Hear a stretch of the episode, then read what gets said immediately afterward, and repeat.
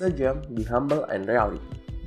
Di Sejam kita dapat mendengarkan berbagai tentang kisah, pengalaman hidup, percintaan, sepak bola, olahraga, dan macam lainnya.